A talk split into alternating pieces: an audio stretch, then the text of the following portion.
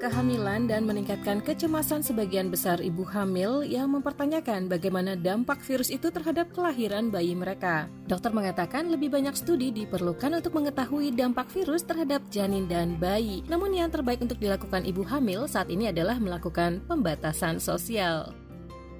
Kebanyakan ibu hamil merasa cemas jika melahirkan tanpa disertai orang-orang yang mereka kasihi di samping mereka. Sebagian lagi khawatir takut terinfeksi COVID-19 dan tidak dapat memeluk bayi mereka. Pandemi virus corona telah menambah kecemasan dan ketidakpastian ke dalam situasi yang mencemaskan. Walau ilmu pengetahuan tentang risiko itu meyakinkan, namun para dokter juga menginginkan jawaban yang jelas. Julia Mouk, seorang penerbit, tinggal di Brooklyn bersama suaminya. Kehamilannya memasuki trimester kedua. Moak akan melahirkan bayi bayinya pada bulan September. Ia mengatakan ia berupaya melakukan pembatasan sosial yang terbaik, yaitu dengan bekerja dari rumah dan menghindari tempat keramaian. Namun ia khawatir karena terbatasnya informasi yang tersedia.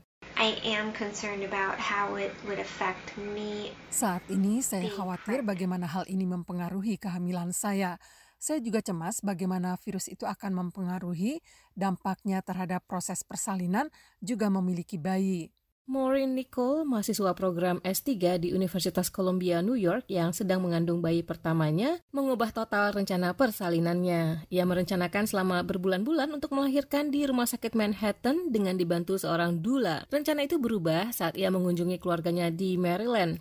New York tiba-tiba menjadi tempat pusat perebakan wabah corona di Amerika. Ia batal pulang kembali ke New York. Nicole kini berpacu dengan waktu untuk mencari dokter baru beserta rumah sakit, membeli keperluan untuk bayi, dan mulai memikirkan kemungkinan untuk melahirkan dengan bantuan dula melalui telepon. Potentially I'll be going into labor without like a support person or a family member, doula, or a visitor. But then on top of that, saya kemungkinan besar akan melahirkan tanpa dukungan dari orang, anggota keluarga, doula atau tamu.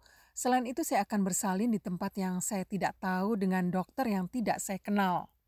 Dengan terbatasnya informasi, dokter berupaya memberi saran bagi para ibu hamil. Panduan dari Perhimpunan Dokter Kandungan Universitas Amerika bagi ibu dan anak mengatakan, ibu hamil yang terinfeksi COVID-19 harus dianggap sebagai pasien yang berisiko tinggi. Ini dikarenakan ibu hamil yang terserang flu dan infeksi pernafasan lainnya berisiko terkena komplikasi, di antaranya kelahiran prematur dan cacat. Pemerintah Amerika menyarankan rumah sakit seharusnya mulai memikirkan untuk memisahkan ibu yang terinfeksi virus dari bayinya hingga hasil tes ibunya terbukti negatif. Para pakar mengatakan ibu yang terinfeksi virus masih diperbolehkan memberikan ASI bagi bayinya karena virus itu tidak tertular melalui ASI. Ibunya harus mencuci tangan dengan hati-hati, membersihkan payudaranya dan memompa ASI ke dalam botol susu. Orang lain yang akan memberikan ASI kepada bayinya, kata Dr. Christine Proudfit dari Universitas New York.